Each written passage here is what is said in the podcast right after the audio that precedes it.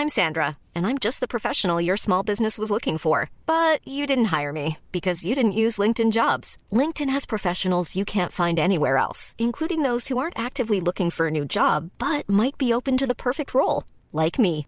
In a given month, over 70% of LinkedIn users don't visit other leading job sites. So if you're not looking on LinkedIn, you'll miss out on great candidates like Sandra. Start hiring professionals like a professional. Post your free job on linkedin.com/people today.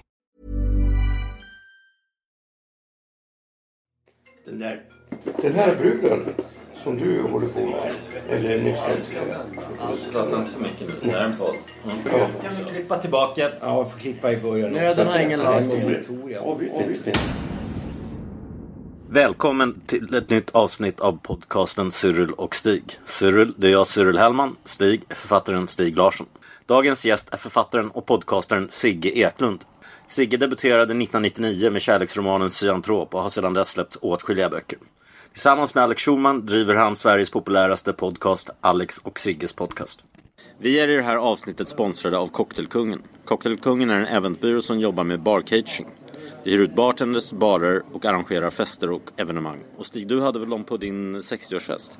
Ja, det var väldigt bra. Det var ju... Skillnaden är ju riktiga saker. Det var ju riktig tonic. Det var goda gin och tonic. Ja, med så kinin va. Så det var liksom det en viss skillnad. Ja, trevliga bartenders också. Ja. De har också en barstudie som, där de arrangerar drinkskolor och workshops som är perfekta för ett företag till exempel om man vill ha något roligt med sin personal. Så gå in på cocktailkungen.se och boka. Ja, idag sitter vi alltså hemma hos eh, Sigge Eklund i Vasastan. Får jag börja med att ställa en fråga? Ja. För att jag har ju uppskattat er podcast. Men om det finns en svaghet och det är ju naturligt med tanke på att ni träffar en ny gäst varje avsnitt. Så är det ju eventuellt lite artigt då. Och det är ju lätt hänt när man träffar nya gäster varje gång. Ehm, är det någonting som ni själva har adresserat? Att det blir liksom, man måste ju börja om varje gång. Ja. Att eh, det är sällan, eller har ni tänkt att det ska bli ganska mysiga stunder? Nej, Trevligt. tvärtom kanske ibland. Ja, men- men, det är väl i och för sig problemet med alla poddar. Man vill ju visa det- respekt. Ni har Ja. kommit hem hit, jag bjuder på kaffe. Det är klart att ni kan inte börja ifrågasätta. Ja, men det är ju inte meningen heller att vara eh, antingen pro eller kontra eller liksom vara otrevlig på något sätt. Utan det är snarare att vi genom mötet vill lära oss någonting. Jag menar, när det gäller dig så är det väl två saker. Dels att eh, du och, och Alex har haft som framgång med er podd.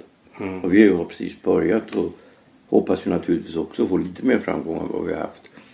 Och snacka lite grann kring det och vad det innebär. För det är som ett, för mig som inte kan någonting om internet så är ju det här ett nytt medium. Alltså jag visste från början inte ens vad det var. Va? Hur, Man, kan ju, man ska ju säga att det är nytt även för oss. Även om vi har hållit på i fem år så är det fortfarande Mm. så att vi, vi försöker förstå vad det är för någonting.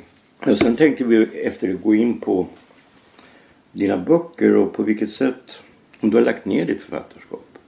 Eller om du tänker fortsätta och på vilket sätt det konkurrerar eller om det konkurrerar med ditt arbete med Alex. Det är ungefär så vi tänker. Men sen kan det ju bli helt annorlunda beroende på vad du säger. Ja, Alltså, vi måste hela tiden utgå ifrån när vi snackar med någon. Alltså alla samtal. Det, det ideala samtalet det är ett samtal där du snackar med någon. Jag har haft några sådana samtal i mitt liv. Dels med Horace och dels med Kim. Där samtalet har gått från person till person och vi har kommit på någonting viktigt som ingen visste före vi snackade. Alltså, samtal har ju då... Alltså man blir ju större som människa om man samtalar. Ja, men jag- det, det jag har fått respekt för, därför måste jag säga att det har varit utvecklande att podcasta. Det är att vi spinner en väv kring någonting som inte går att uttrycka i ord. När två personer bollar eh, orden mellan sig. Eller du vet den här klassiska liknelsen vid metallspån på en bordsyta. Och så är det magneter som rör sig under. När du sitter hemma själv så jag har upplevt att det har varit det har hänt saker i samtalet med Alex som jag inte har lyckats åstadkomma när jag själv har suttit hemma och försökt fånga det där ord. Det som är omöjligt att uttrycka i ord själv. Medan däremot i samtalet när det är som bäst så tecknas ändå konturerna av det. Ja, jag upplever ju också att även om det inte alltid är så så är det ju i själva skrivandet skrivandet är ju annorlunda än tänkande. Mm. Därför att du ser ju när du skriver så ser du vad du har skrivit. Det är ju liksom blir som en spegelbild av dina tankar. Så kan det bli också bli att pennan leder den någonstans. Ja, och sen också att du på grund av att du får det på pränt så hajar du vissa grejer. För tankarna de, de löper så snabbt och så fritt. va. Att de liksom inte... Det är som att de inte har stadga. Va? Men när du skriver ner det, då ser du på pappret. Aha, ja det var så det var. Mm. Alltså, jag, jag har ju kommit på vissa saker när jag arbetade i slutet av 90-talet. Som jag ställde mig själv väldigt svåra frågor. Och sen besvarar jag. Har du, har du besvarat en svår fråga får du stort självförtroende att besvara en till. Mm. Men det var ju först när jag skrev det som jag upptäckte. Men innan du Alex började, då, då uppfattade du som att du har producerat på det då? Filip och Fredrik och... Ja just det, jag klippte, jag klippte Filip och Fredriks podcast i, i 175 avsnitt eller så innan jag började um, podcasta själv. Det var ju väldigt lärorikt, väldigt intressant att klippa. Alltså jag har ju varit, jag tror jag sedan jag var 20 jag har förstått liksom konstformen klippning. Mm. Jag har förstått hur grundläggande det är därför att jag har haft turen att ha en barndomsvän som just var filmklippare. Kunna sitta bakom honom och prata med honom om likheterna mellan att skriva och att klippa. Var det går in i en scen, var det går ut ur den och så vidare. Så att det var väldigt spännande för mig och det var därför jag blev sugen såklart på att testa, testa själv. Men jag ska bara säga angående det här med det som händer i samtal kontra vad som händer i skrivandet. Att det har funnits ett, ett själv, självhat, är ett starkt ord. Men jag har haft en irritation över min e, mina egna romaner eftersom de har varit ganska teoretiska. Jag har inte kunnat motstå frestelsen att först inse någonting och sen beskriva vad det är jag insett. Mm. Jag kommer ihåg när jag släppte min första bok som ju i sig var ganska teoretisk eftersom den handlade om en, en eh, alltså huvudpersonens flickvän begick självmord. Han var kvar ensam och han försökte då återskapa henne i en dator. Programmera fram henne. Redan där började det bli ganska teoretiskt. Alltså hur återskapar man ett psyke och så vidare. Och att jag kommer ihåg att Nils Schwarz då satte upp ett varningens finger i Expressen. Att det kan liksom det, finns, det, det, det, det är lite övertyngt åt det teoretiska. Alltså, hoppas han väljer, väljer rätt väg i framtiden. Och sen bok två var ju bara teoretisk. Den handlade om evolutionspsykologi. Och då var han ju väldigt irriterad. Då. Så att jag hade valt fel, fel alltså, vet, väg i min Vet du vad jag minns om första boken? Den här synantrop. Det är precis tvärtom. Uh, jag minns den här, alltså att det är en kärlekshistoria. Mm. Och att det är en harmonisk kärlekshistoria som jag minns det. Mm. Alltså en lycklig kärlek. Och sen sommar sommardagar i Stockholm eh, efter regn och sådär. Mm. Alltså, och sen minns jag särskilt, och det fattade jag när jag läste den här, det är 1968 och det bara snö eller vad det mm. 88 ja. just det, 88. Att eh, det här med eh, det här med roulette har liksom en viss betydelse för dig. Mm. För det är en väldigt bra scen från en, en roulette där. Ja, snarare kortspel var det. Mm, ja. Blackjack, ja. Blackjack. Men alltså den här miljön, ja. kasinamiljön. Den har en väldigt stark laddning i den boken. Och alltså det är ju när man minns böcker så filtreras väldigt mycket bort. Mm, det, alltså, ja. det som är, har varit kanske drivkraften och det som författaren upplever som eh, själva skelettet i boken. Det kanske försvinner. Men du, sa, du sa till mig att det var den, den enda bok du var helt nöjd med.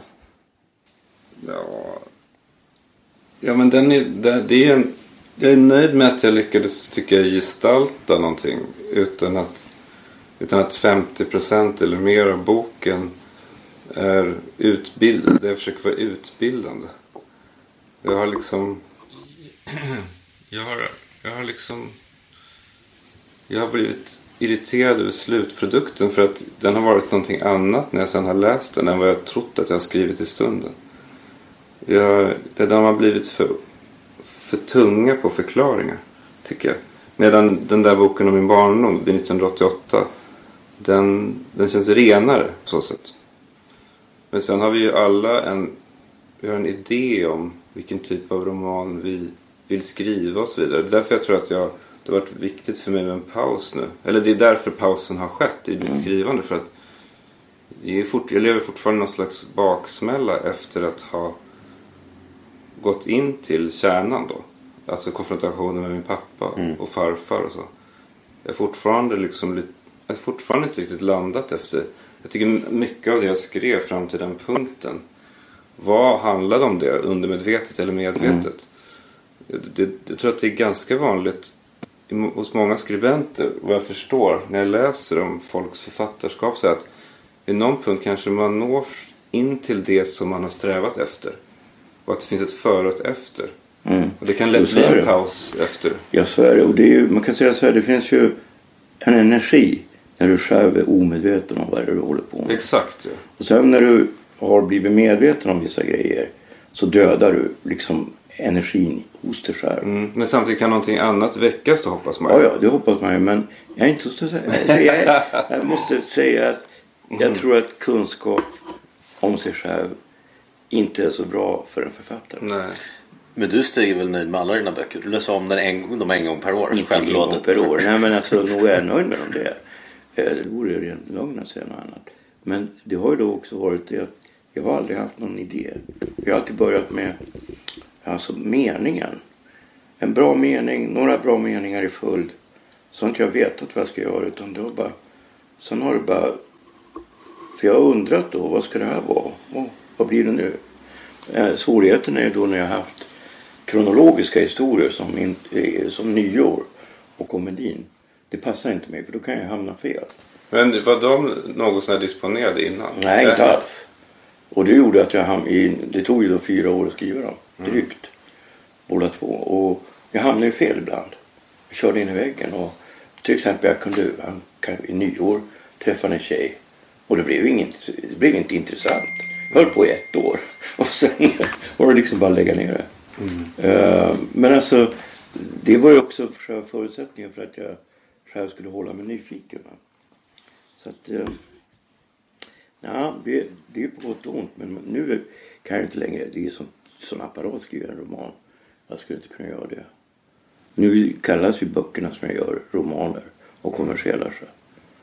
Um, alltså, vad ska man kalla dem annars? Då hamnar de ju fel på bibliotek och sånt där. Mm. Men ja, jag, jag tänker hela tiden på, och jag, måste, jag har ju försökt starta några gånger nu. Um, på vad jag ska skriva härnäst. Det, men det... Ja, men det finns någonting intressant. Alltså, jag, jag läste den först nu. Den här, det är 1988. Mm. Och jag, måste, jag vet att du reagerade väldigt negativt när var det Filter som gjorde någon artikel. Ja, så jävla, så jävla arg var jag inte. Ja, men, alltså, alltså, kan vi ta den först? För, för att jag var ute med en kulturskribent och hon var... Ja, eh, ja, jag tycker gillar Siggan verkar så snäll och trevlig och, och, och vettig och sådär. Men jag gillade inte det att han pissade på filter. Var... Och då kom, då kom, jag, men då kom, jag på, då kom jag ihåg den incidenten men jag läste inte den. Men jag tyckte själv att den var rolig. För jag tycker själv att filter, det, det, hela den redaktionen och den tidningen för sig med väldigt hög svansföring. Och eh, medan artiklarna är väldigt format skrivet. De är lite som det bästa både i format och innehåll. Och mm. jag, jag undervisar ibland så jag möter ju unga studenter och sånt. Och då, de tror att det är så man ska skriva medan jag säger tvärtom. Det är så du inte ska skriva. Men i och för sig kommer jag från en annan skola. Men, men... I den bemärkelsen så var det lite uppfriskande för den var ganska kritisk. Den ja. var ofta ganska orädda och hyllande. Filterporträtten. Okej, okay, okay. alltså, för, för det här är alltså, de gick in på din familj nu när jag sökte på den. Och de, ja, du har inte läst artikeln? Nej, Nej. men de, de, gjorde att ni hade någon narcissistisk ja, förbannelse och utgick från din bok till mm. 1988. Just det. Du, ja, din bror jag, jag tror att jag har läst den, jag är inte säker. Nej. Men det var ganska länge sedan, det var tre, fyra år sedan. Ja, precis. Och eh, nej, men jag tyckte då bara, för att jag är då personligen, av, av helt personliga skäl, så har jag ett intresse i din familj. För jag kände till din pappa när jag var tonåring. Mm. Jag vet och, att du kände till min farfar. Ja, din farfar också. Mm. Och jag, jag fattade ju aldrig att den ena var pappa till den andra. Mm -hmm. Sen fattade jag inte heller att du var son till mm. Claes. Va? och att Bengt var din farfar. Det blir lite weird. Va? Mm, jag fattar. Ja, därför att de där personerna av helt olika skäl. Jag kände till Claes på grund av att jag var ju först RRS trotskist. Mm. Och han drev något som kallas för D-fraktionen. Mm. Ungefär 1975. Mm. Och jag tyckte de där var... Jag hade en sån idiotisk idé. Jag tyckte att alla som verkade väldigt intelligent hade säkert rätt. Mm. Och då så tyckte jag att det här var ganska intressant. Han var några år äldre än du då? Han är ja. 52 och du är 55 va? Ja precis. Mm. Han var jävligt smart och Eh, Han skrev ju då eh, Sovjet kapitalistiskt 1975 tror jag, eller ja. 76 kanske. Med Per Reichard. Jag vet inte om det var i samband med... Ja, det- Jag tror att det var lite, lite senare. Jag tror att det här var kanske 73, 74. Ja, okej, ja. Och eh, i alla fall så, eh, så jag kände ju till honom och tyckte sen att det var väldigt konstigt. För den här D-fraktionen det byggde på något som kallas entrism. Och det byggde på att vänstermänniskor skulle gå in i socialdemokratin och påverka den inifrån. Ja. Sen gjorde han ju det. Ja. Och sen påverkade socialdemokratin som jag ser det till höger. ja, som många ser det. Ja. Och jag vet inte om det är rätt eller fel. Jag kan ingenting om ekonomi. Men det hela var ju lite märkligt och han har ju ändå figurerat i min... Så jag har känt till honom som ett begrepp. Jag läste ekonomisk historia så det, var, det ingick ju i kurslitteraturen där. Hans böcker. Eh, Men vad var det du inte gillade med artikeln? Var, var det den grejen med narcissismen eller var det att du hade blivit lurad till? Ja, men det var, jag tyckte att det var obehagligt att han hade ju då... Det var en väldigt ambitiös artikel. Det var ju tydligt från början att han skulle följa med mig när vi spelade in sketcher och när vi, jag jobbade med Alex och när jag träffade min familj och så vidare. Och att han bad få prata med min pappa och min bror och sådär. Eftersom min bok In i labyrinten, min roman skulle släppas. Alltså jag fick ju... Han berättade att det skulle vara ett klassiskt personporträtt. Och eh, när den sen då publicerades som en, en avslöjande artikel där våran släkt hade narcissistisk personlighetsstörning.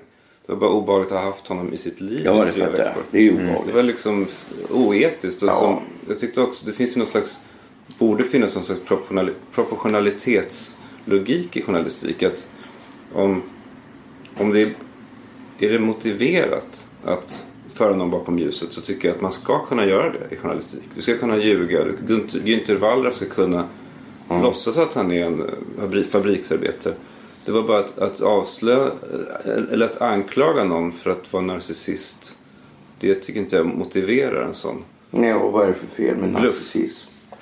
Alltså, jag har aldrig fattat. Det ingår om ganska det- det- starkt drag i psykopatmodellen till Men exempel. jag, jag sa aldrig att vi inte var det. Men om det var, om det var så att vi var narcissister. Narcissister har ju i regel tufft med relationer och det är ganska, verkar vara väldigt jobbig liksom, läggning. I sådana fall så borde ju det inte slängas ut så oförsiktigt på sidorna heller. Nej, men nej. men eh, ja, så arg var jag inte. Det var ju också, det var ju det var ju den här, det här att jag kissade på tidningen var ju det var att jag fick något pris och inte ville gå på prisutdelningen skickade det där klippet istället. Så det var ju som en sketch. Alltså, sen fick ju Expressen tag i den och då blev det, det blev också lite fel. Det var som att jag ställde mig på torget och kissade på tidningen och ville att världen skulle se det. Ja. Var, varför började vi prata om det? Ja, men vi kom in på det boken, där. ja. Därför den här boken. För jag, jag tänker så här. Vad jag tycker att du... Det är ju helt idiotiskt. Jag skulle bli enormt upprörd om någon påstod vad jag borde göra i framtiden. Men jag, jag tycker för egen del vore det intressant att veta mer om den här Bengt Eklund. För jag vet han... Har du sett den här Hamstad? Ja visst, gånger. Och den är ju jävligt bra. Och jag vet ju då... Alltså han var ju på något sätt en Micke Persbrandt för sin tid. Mm. Jag vet- Kraftkar står det i Bra Böckers film och tv-lexikon. Ja, men jag vet, jag har ju hört mycket snack och så här att han skulle ju liksom vara umgåtts med gangsters och lite grann liksom den typen som ju inte, det gjorde ju inte Birger Malmsten och de där va. Och, och, men alltså när man läser boken så är det de här anteckningsböckerna och de här pappren som finns i hans lägenhet. Som du inte får läsa då, som din pappa tog bort. Men jag kan ju inte tycka annat än att det är lite grann av, det är ju samma sak med den stora myten. När jag läste den eh, så sträckläste jag den. Den var ju spännande. Va? Det var ju hans, eh, det var ju hans död som föranledde den boken. Ja. Det handlar ju om en man som bor i Gamla stan som dör.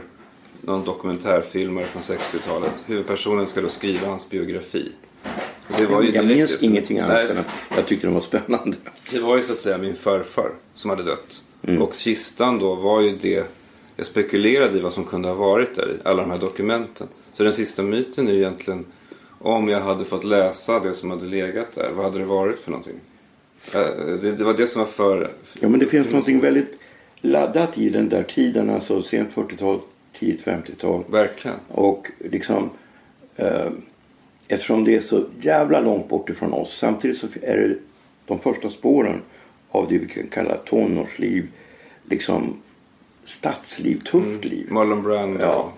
Eh, Och de första spåren fanns ju i vissa klubbar i Gamla stan och så här, va. Men vi vet nästan ingenting om det där. Mm. Men det är- Stenberg har skrivit lite grann. Ja, Apelsinmannen var bra kommer jag ihåg. Jag tror att för mig så var det ju dels de anekdoterna. Alltså berättelsen av att sitta på Gyllene Freden med Evert Taube. Och eh, dels var det ju att han såg någonting i mig.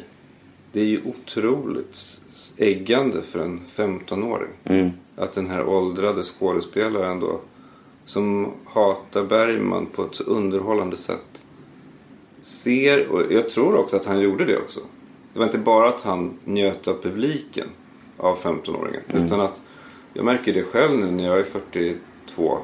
Man ser i en 14-åring om den har liksom blicken. Absolut. Man ser hur den lyssnar och även om den inte säger så mycket så ser man väldigt snabbt, snabbt skillnad på de som ställer sig in och de som faktiskt tänker och sådär. Så jag tror att han, han såg någonting i mig och eftersom han led så jävla mycket av sin egen... Alltså det var ju en besatthet vid de här åren 64-65 när han hade spårat ur. När bråket med Bergman, misstaget då kanske att, att eh, eh, tacka ja till rollen i Saltkråkan. För det blev ju så många filmer sen. Det pågick ju sju år eller sex år. Och det var tv-serier, det var filmer och han blev ju då Tjorvens pappa. Folk skrek det på stan efter honom och så vidare. Det var svårt för honom att komma tillbaka sen. Och i, i, i kombination med det accelererande drickandet. Det var de här åren 64-65 som man hela tiden återkom till.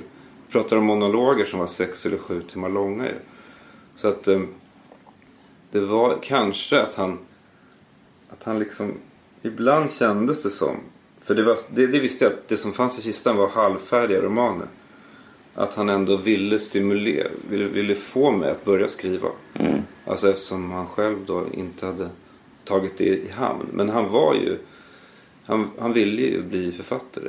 Nej, hela, hela, hela lägenheten var ju, alltså, det var ju böcker, travar från golv till tak. Men när Otroligt skilde sig han och din farmor? 64. Okej. Men det var ju, hade ju varit på gång i flera år innan.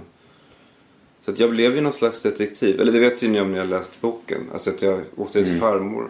Frågade massor om min farfar. Åkte till min farfar. Frågade om min farmor och om Ingmar Bergman och så. Fram och tillbaka. Och till min pappa. Och så vidare. Alltså, så det, jag, jag, jag ser ju på de åren. eh, Dels nu med åldern så blir jag ju mer och mer, eller man försonas ju med sin egna tonår. Det kan bli lite rörd av den tonåringen. Men länge så tyckte jag också att det fanns något sorgligt. Kanske när jag skrev boken. Något sorgligt över ensamheten i det. Att jag var så jävla fokuserad på min släkt så många år. Alltså både du och Alex känns som med både böcker och sen tema på den här er aktuella krogshow och hans böcker, dina böcker. Att barndomen är väldigt viktig, eller något som ni går tillbaka till hela tiden. Då känns det ändå inte som ni har haft eh, den här, de här dysfunktionella uppväxterna med motgångar eller liksom... Det, det känns ju snarare som har ganska bra- uppväxt. Ni har haft väldigt bra barndomar. Ja, och det, det är väl det som har varit en del av skammen i det. Alltså, det är lättare att motivera att man inte släpper barndomen om man har blivit misshandlad exempelvis. Men va- varför kan jag, eller vi då, inte släppa det? Alltså, ibland har jag tänkt att det är så enkelt som en längtan tillbaka till eh, det sättet att uppleva världen. Ja, men jag tror att det är det som... Knas för, alla, för alla människor så är det ju så att när du tänker på hur, hur du var som barn så du kan ju få flash, flashar av hur du var va? genom att du känner den öppenhet som du såg på världen. För allting var ju nytt. Så när du gick omkring i en stad, typ när du var, skulle vara hos tandläkaren. eh, då fick du ledigt och fick åka in själv till stan. Det var den första gången jag var själv i stan. Och gick omkring på gator, du vet, typ nio år. Och liksom kände mig vuxen. Det planlösa tycker Ja. jag var. För jag var. Nu var jag i måndags i Paris för att träffa Jag träffade Rickard Flink för första gången på 20 år. Du är Torstens tvillingbror som jag var så nära då under flera år. Det första gången på 19 år träffades vi och gick där längs kajen. Och du vet, det är som att himlen är dubbelt så stor när man är tillbaka i det där tillståndet. Av, för att han har den också inverkan på mig. Det är alltså, vi är inte på väg någonstans. Det var det första som slog mig att det är så jävla riktningsinriktat. Mitt liv i alla fall. Jag har ju tre barn också. Mycket jobb och det var så fantastiskt att bara gå omkring så. Det är ju det är också barndomen ju. Man gick ner i tunnelbanan och så kom man upp någonstans. Man hade ingen aning om hur det geografiskt förhöll sig till där man hade gått ner. Och så.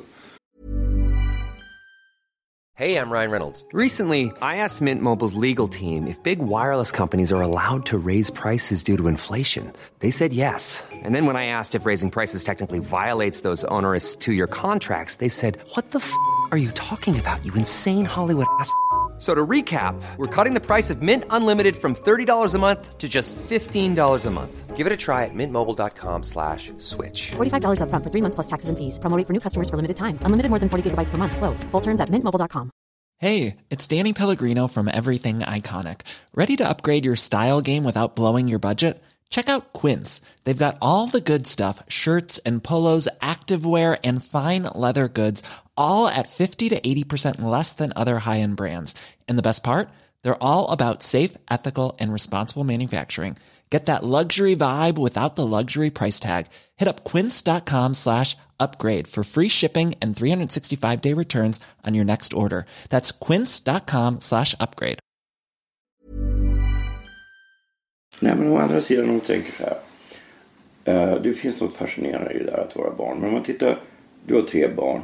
Jag har inga barn. Jag lever liksom väldigt asocialt om man säger så. Jag lever egentligen som ett barn. Ja, Eh, men å andra sidan blir det på sikt. fin- Finns något deprimerande över det. ja och som inte heller är... För man, man, man kan ju säga så som om man... Jag också lever ju på ett sätt som ett barn. Lyssnar på samma skivor som när jag var barn. Sitter hemma och läser och kollar på TV. Jag är också fri på det sättet. Men barndomen var ju inte... Man satt ju inte hemma hela tiden. Man var ju på väg att bli större och att upptäcka. Ja, det, var något, det fanns något positivt i det där liksom famlande och det där liksom, ska man säga, amöbaliknande i tillvaron. Och som inte riktigt är samma sak när du blir äldre. Va? Utan då blir det lite grann, okej nu går dagarna och sådana här ångestfyllda, det är 2017 i år. Jag tyckte inte det var så länge sedan, 97 va. Och det var ju 20 år sedan. Och så 77, 40 år sedan. Och när jag började tänka på, typ när jag då första gången läste om din pappa, det var ju liksom 45 år sedan. Det är weird. Ja, men du har väl säkert, precis som jag, det där har man ju förlikat med va? Jo, och jag har ju då en, en jag träffade ju då den här äldre damen på Lilla Essingen. Hon fyller ju 105 nu. Och det är lite försonande för hon, när hon, hon tänker tillbaka så var det för 100 år sedan. Men jag har ju, jag tycker, det var därför jag sa till dig att, att du kunde lyssna på det här eh, podcastinslaget. Om O, gjorde du det? Ja, liksom. Jag tänkte att, för det är väl det, den, den nya, den nya idén, eller mitt nya sätt att tänk, se på mitt eget liv utifrån är ju att, att det jag sysslar med liknar de här heltidsreligiösa människornas arbete med Gud. Att försöka ringa in det här ljuset. Alltså, det har gjort att jag har kunnat bli pos- mer positivt inställd till mina dagar. När jag sitter och läser eller går omkring och tänker och sådär. Eller podcastar. Att, att det finns faktiskt ett mål här. Att jag håller på att ringa in någonting. Det kanske låter banalt men det, har, det känns för tidigare kunde jag hänga upp det på ett romanprojekt. Den här romanen ska färdigställas. Det är, händer någonting väldigt spännande när du ser på hela...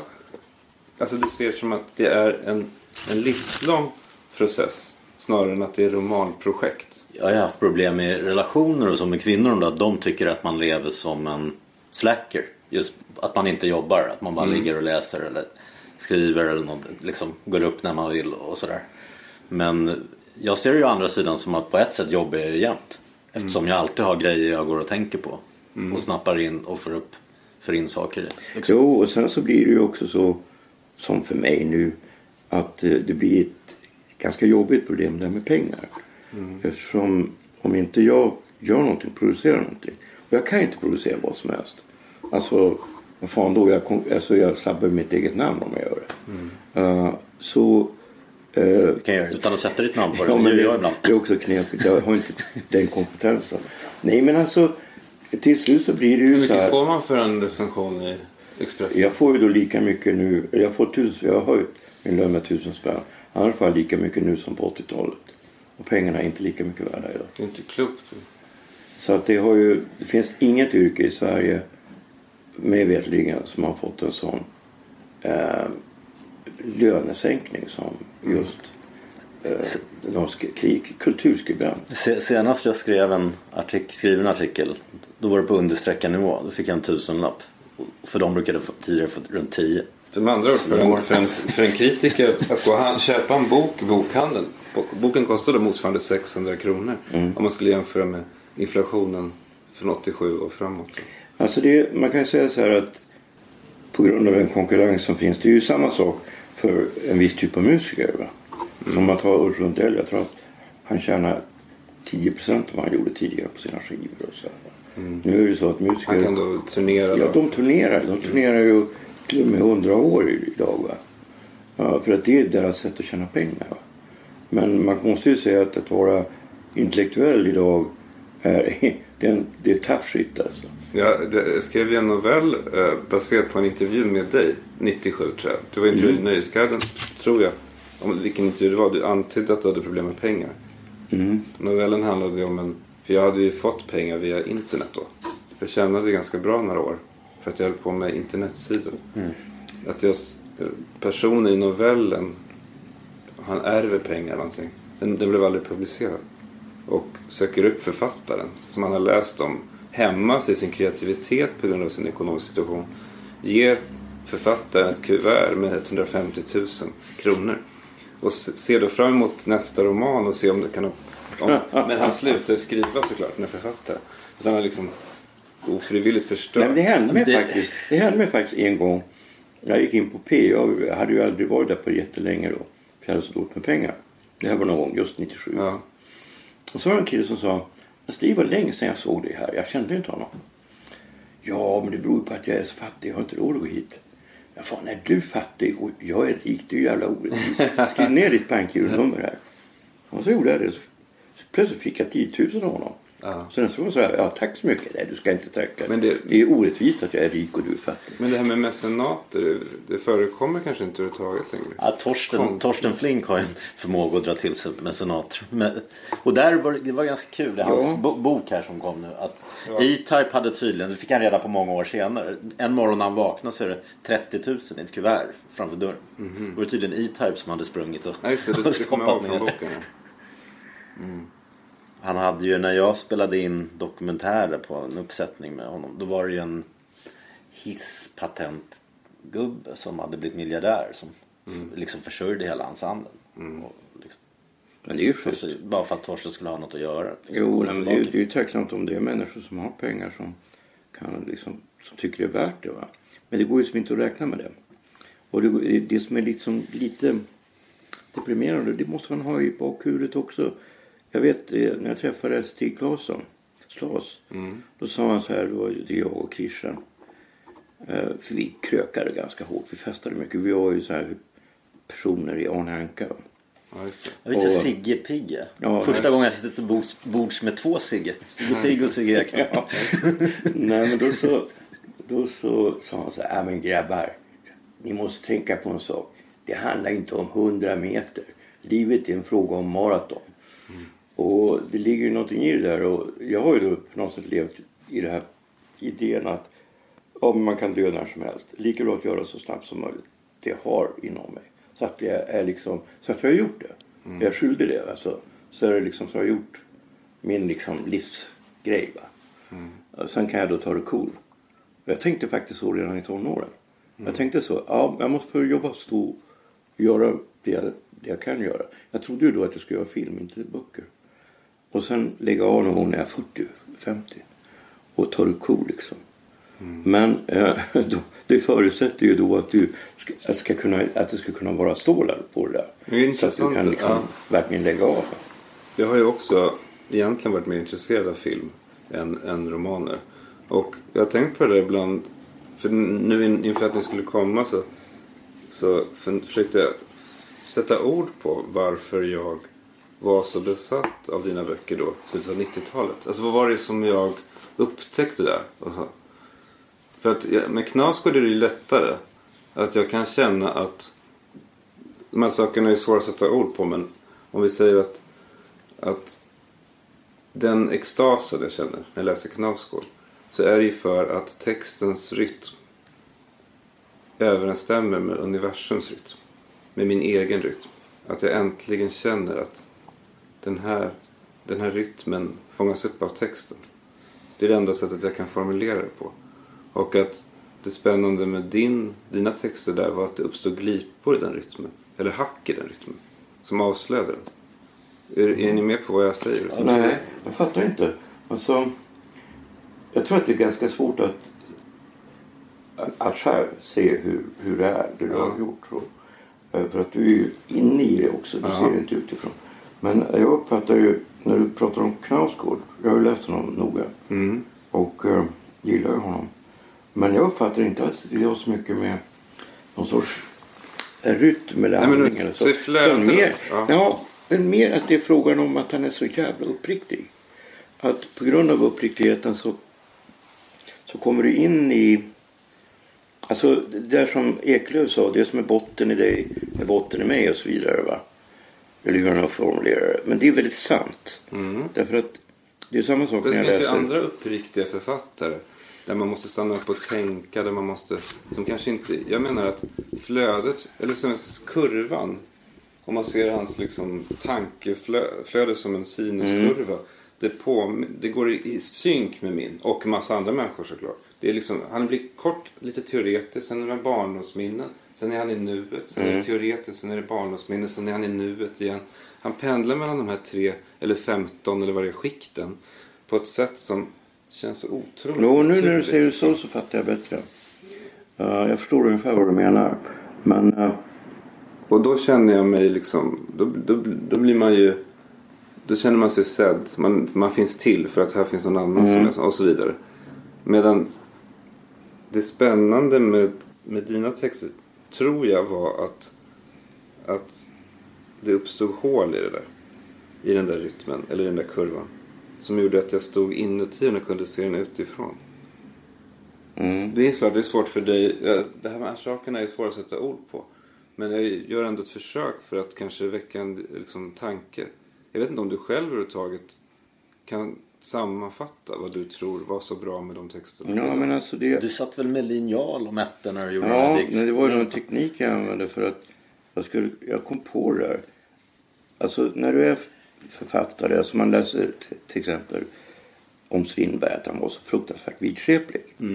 Men alltså det är ju också så att nästan alla konstnärer är vidskepliga på ett lite tokigt sätt. Så de har olika hyss för sig. Skådespelare också det. Och det där har ju att göra med att du upplever det. Du fattar inte. Först gör du det bara. Men att det är produktivt på något sätt. Och om man tar till exempel Monet när han bestämde sig för att det var inte så att han bestämde sig för att han skulle måla nekrostammar i, i 20-30 år. Utan det blev så. Alltså han, han upptäckte där kan jag göra någonting. Och sen gjorde han nästan bara det i 20 år. Fast det är ju jävligt Jag bra. måste bara säga, jag läste en jävla intressant eh, bok nu. Som heter Varför blir en hit en hit eller någonting på svenska. The Hitmakers eller någonting. Som hade en teori om att varför blev det just de här sju impressionisterna som blev så stora? Monet och Cézanne. Att, att en, det, finns ju, det finns ju ett antal som är minst lika bra men som aldrig blev kända. Att det går att här, här, det här, hela härstammar från Kaje Bott hette han väl, en konstnär som, som var en konstsamlare som köpte just de här sju. För de var inte så jättedyra de här sju som Nej, de blev så dyra. stora. Så att, han lyckade, han, att det hela härstammar från en konstsamling som sen köptes upp och blev stor. Jo, fast jag tycker nog, alltså när det gäller de som är riktigt stora konstnärer. Det går kanske inte, det kan ju hända att det, det förändras lite grann på sikt. Att det finns vissa som, alltså Marie Laurencin är till exempel större idag. Som var en samtida. Eh, men man kan nog säga att de som är, man tar, man tar Monet, man tar Manet. eh, alltså de är, grejerna, de, är bra. Mm. Ja, men det, är Det de. går inte, Men det går inte att komma ifrån. Men- Alltså det, och det, det är liksom vissa... Alltså jag, jag menar att det inte är en tillfällighet att vissa författare också får en viss kanonisk status. Mm. Utan, och det där är något som framförallt efter två, tre, fyra hundra år så skiktas där. Det ser lite annorlunda ut. Va? Eh, Men alltså det är inte så att det blir här jättestora förändringar. Fast om du ser på dagens konstnärer, om du tar svenska till exempel. Det handlar ju om vilken gallerist du har och hur bra du är och liksom eh, vårda ditt varumärke. Bara- Ta Anders Billgren. Det finns väl många som kan... Man kan, vi ska Göra inte prata om konst kanske nu men alltså just när det är konst så tror jag personligen att det kommer att bli en rejäl eh, omförhandling när det gäller konsten efter, låt oss säga 1970. Alltså internationellt. Mm. Därför att eh, det är en massa problem med modernismen som man aldrig har liksom egentligen gjort upp med. Och det där, jag skrev om det där redan när jag var i tonåren. För jag tyckte att det där var ett problem. Eftersom jag då arbetade med just bildkonst. va. Och uppfattade då att, att jag körde i väggen och när jag försökte förstå det så förstod jag att det här är ett generellt problem. Det- Men, men det är en annan sak. Bara, konst i stort, så jag, jag tror ni var inne på det när ni pratade med Therese Boman. Ett problem som jag, inte minst med, med nya svenska romaner. Ett problem som jag har med dem är ju att det ofta handlar om jag tror ni pratade om det med Therese Boman att det ofta är färg, ganska färglösa personer. Som, det är ju inne på något sätt att skriva om det. Färglösa personer som lever lite utanför samhället. Som inte riktigt kan connecta med samhället. Och det är inget fel med det men om det bara är den typen av romanfigurer så blir det ju tröttsamt. Det, det, det tror jag var en del också alltså, varför det var uppfriskande med Knausgård. Som handlade blöjor, som gick till dagis, som var med hela tiden och pratade, funderade. Man visste till och med vad han hade på bankkontot. Så. Ibland är det som att de här personerna i romanerna lever man vet, inte, man vet knappt hur de har det ställt. Fa- Favoritscenen i Knausgård är ju den där när han tvingas gå på babyrytmik i... i, i Det två, ja. Jo, men det är alltså, på stadsbiblioteket. Jo, det, finns- det finns många sådana roliga grejer. Och hans, just hans lite fyrkantiga norska karaktär. När den placeras här i Stockholm. Ja. Med alla politiskt korrekta människor. Men det är det är ju väldigt också. roligt. Men Det, är väldigt roligt. Det var det jag tänkte säga om förut också. Om min e- mina egna böcker. Varför pausen har uppstått. För du frågade initialt om författarskap och så vidare. Mm. Podden har ju, tycker jag, podcasten har ju visat att, att humor är ett nödvändigt verktyg. Eller väldigt viktigt verktyg. När man ska försöka förklara verkligheten. Det absurda i, i verkligheten. Det komiska. Och det, av någon anledning så är böckerna som jag har skrivit eh, humorlösa. Alltså de är för allvarliga för att kunna ta på allvar idag för mig. Men humor är så jäkla svårt att säga. Nej men humor i bemärkelsen Jag distans. förstår ju vad du menar. Ja. Men alltså. Eh, jag uppskattar alltså jag tror att det. Jag tror faktiskt att det är feltänkt. Alltså, visst, visst är det bra om man kan skratta och tycka att någonting är roligt. Men det är ganska avhängigt av här, privata personliga aspekter. Ja, det kanske jag, tror att, jag tror att det viktiga det är snarare rikedom eller fattigdom. Det man kan säga generellt om dagens litteratur eller överhuvudtaget modernismens litteratur att det premierar fattigdom, avskaladhet, nakenhet. Ja, och monotoni. Monotoni. För att det är det jag menar med, med, när jag säger humor så menar jag inte att det ska skrivas. För det är- ganska svårt för roliga romaner. Eh, men just spännvidden som Mm. kan finnas i ett riktigt bra podcastavsnitt. Där man går från absurd humor eller grov och märklig humor till allvar och tårar kanske till och Mm. Det händer någonting när du går mellan de här tillstånden. Ja, visst. också finns i Knausgård och vissa andra stora romaner. Och det är det, det, är det jag kan störas av. Eller, eller frustreras av varför det var så svårt. Varför det har varit så svårt för mig att få in det i romanerna. Jag tycker att det är ett väldigt bra exempel på det jag kallar för rikedom. Eh, alltså att det innehåller massa olika saker Verkligen, samtidigt. Det är faktiskt den här boken som Knausgård gjorde med Fredrik Ekelund. Och där är det framförallt, fotbolls-VM. Ja. ja, där är det framförallt Fredrik Ekelunds partier som är, jag tycker att han gör en, en litterär vinst. Alltså han gör någonting med litteraturen som inte har gjorts tidigare. Och det är de här partierna när han kollar på tv i Brasilien. Alltså han det bygger på att han kan skriva på sin bärbara dator så snabbt va. Att han samtidigt kommenterar matchen. Samtidigt kommenterar vad som sägs runt omkring honom. Och samtidigt hans egna tankar. Och samtidigt typ en kolibri som passerar. Eh, det är fyra, fem olika nivåer som löper parallellt med varandra. Jag är glad att du säger det för jag läste bara Knausgårds. Fräckt nog. För jag, vet, jag kanske var stressad eller någonting. Jag hoppade över Ekelund. Nej, du ska absolut läsa Ja, Eklund. ska jag genast det är faktiskt nej, det är, det är kul med Knausgård för han är, han är ganska bra på att bedöma fotboll tycker jag. Ändå för att inte vara en, en eh, sportjournalist. Va? Mm. Och sen, samtidigt så minns han ju, alltså, jag själv minns ju alla matcher. Det, Mm. I alla fall ganska väl. Och så det blir som en repetition av det jag själv minns. Men Ek, Eklunds är mer intressant litterärt. Har ni någon rollfördelning du och Alex? För han känns, det känns ju lite som... eh, han, han, han står mer för humorn och du för mer för det allvarliga. Och han har ju en rolig självdistans också. Alex. Vi har ju, samtidigt så finns det ju Eller ganska många... gör, ibland känns det också som att, det är, att ni har gjort manus i förväg också. Ja, men jag det gör ni ihop kanske? Någon annan kanske skulle säga nästan tvärtom. För jag gör ju på ett annat sätt kanske utpräglade humorinslag med gubbar och imitationer och Mm. Jo, precis. Så Ja, att- men det såg jag också på showen också. Ja, men, men alltså vi har ju aldrig formulerat något sånt. Nej.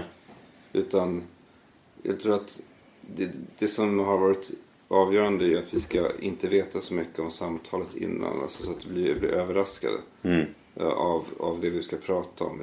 Det är, därför, det är därför det har varit så svårt för oss att göra föreställningar. Därför då blir det, det är väldigt lätt hänt ju att själen försvinner. Det som är bra med podcasten kan försvinna om det finns ett manus när vi står på scen. så. Det, är, men det är väldigt svårt att undvika för vi, det är omänskligt att göra en ny show varje kväll. Så att det, tyvärr kommer det ju alltid bli så att, något, att den är något sånär manusskrivet.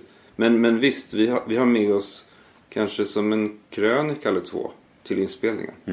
Som vi i princip läser upp. Som, blir, som man tar avstamp i och börjar prata om. Och det, det är ju...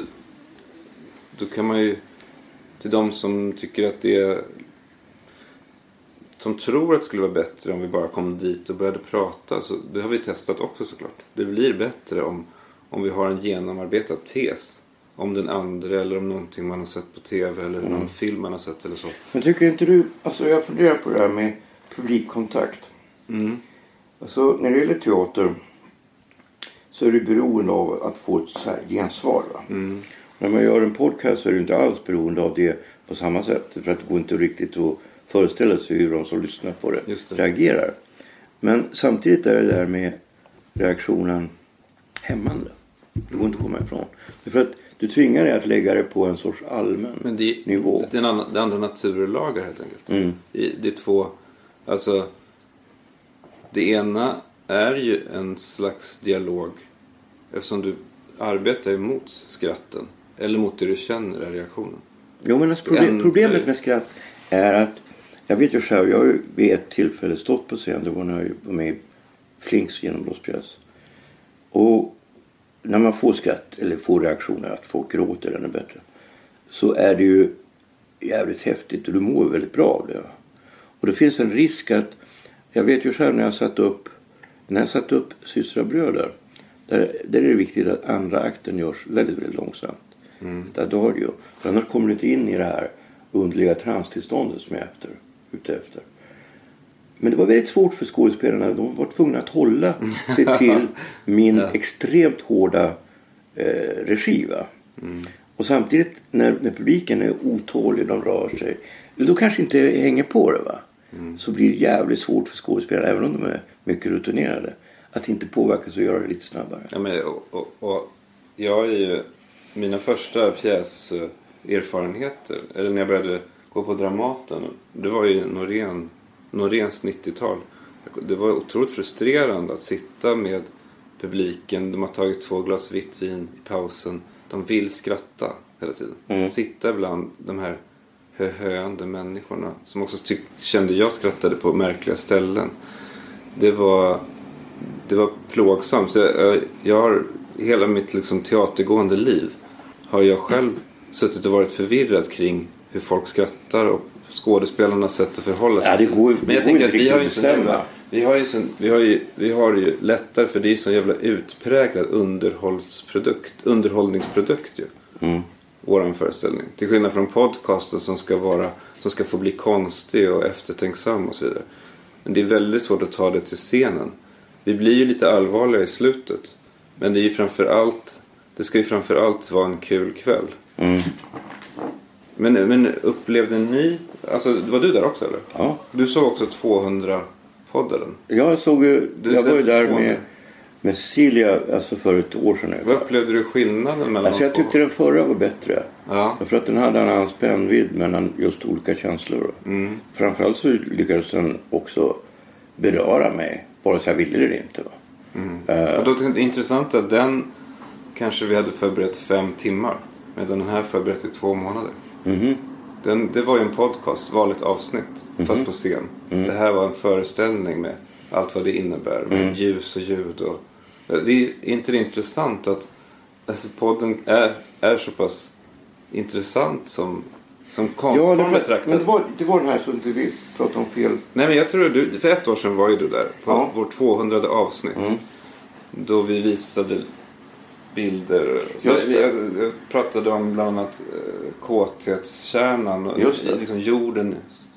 Ja, och sen var det den här Ja. vad man blir berörd av. Ja, just det, och just den här bilden av de som har varit ute i krig och kommer hem till sina barn. va? Just det, och vad är sentimentalitet och sånt där. Vi pratade om det. Ja. ja men det, det är det som är så jävla sjukt att ibland när vi inte planerar att det ska bli bra så blir det bättre än när vi i två månader då planerar. Nu måste vi göra någonting väldigt bra. Det är därför vi fortsätter att podcasta. För att det, liksom var femte avsnitt eller var sjunde avsnitt så blir det fortfarande väldigt bra. Av en slump höll på säga. Alltså för att hans ämne, det är som en jävla kemisk lösning. Jag är på ett humör den dagen, han är på ett humör. Och så har vi de här fyra samtalsämnen. Ibland så råkar de här sju parametrarna. Det vet ju ni nu som jag träffat gäster och så. Ibland är de här olika parametrarna, händer det mer spännande saker än annars. Och så, så länge det händer tillräckligt ofta så känns det fortfarande motiverande att fortsätta. Att det blir utvecklande då. Var, jag vet inte, det räcker med att det var femte gång så blir man ju stimulerad att fortsätta. Nu tror jag vi är klara. Ni har lyssnat på podcasten Cyril och Stig. Vi hoppas ni gillar det ni har hört och går in på acast.com och prenumererar och delar på Facebook och Twitter till era vänner. Hi, I'm Daniel, founder of Pretty Litter. Cats and cat owners deserve better than any old fashioned litter. That's why I teamed up with scientists and veterinarians to create Pretty Litter. Its innovative crystal formula has superior odor control and weighs up to 80% less than clay litter. Pretty Litter even monitors health by changing colors to help detect early signs of potential illness. It's the world's smartest kitty litter. Go to prettylitter.com and use code ACAST for 20% off your first order and a free cat toy. Terms and conditions apply. See site for details. Hey, it's Paige DeSorbo from Giggly Squad. High quality fashion without the price tag. Say hello to Quince. I'm snagging high-end essentials like cozy cashmere sweaters, sleek leather jackets, fine jewelry, and so much more. With Quince being 50 to 80% less than similar brands.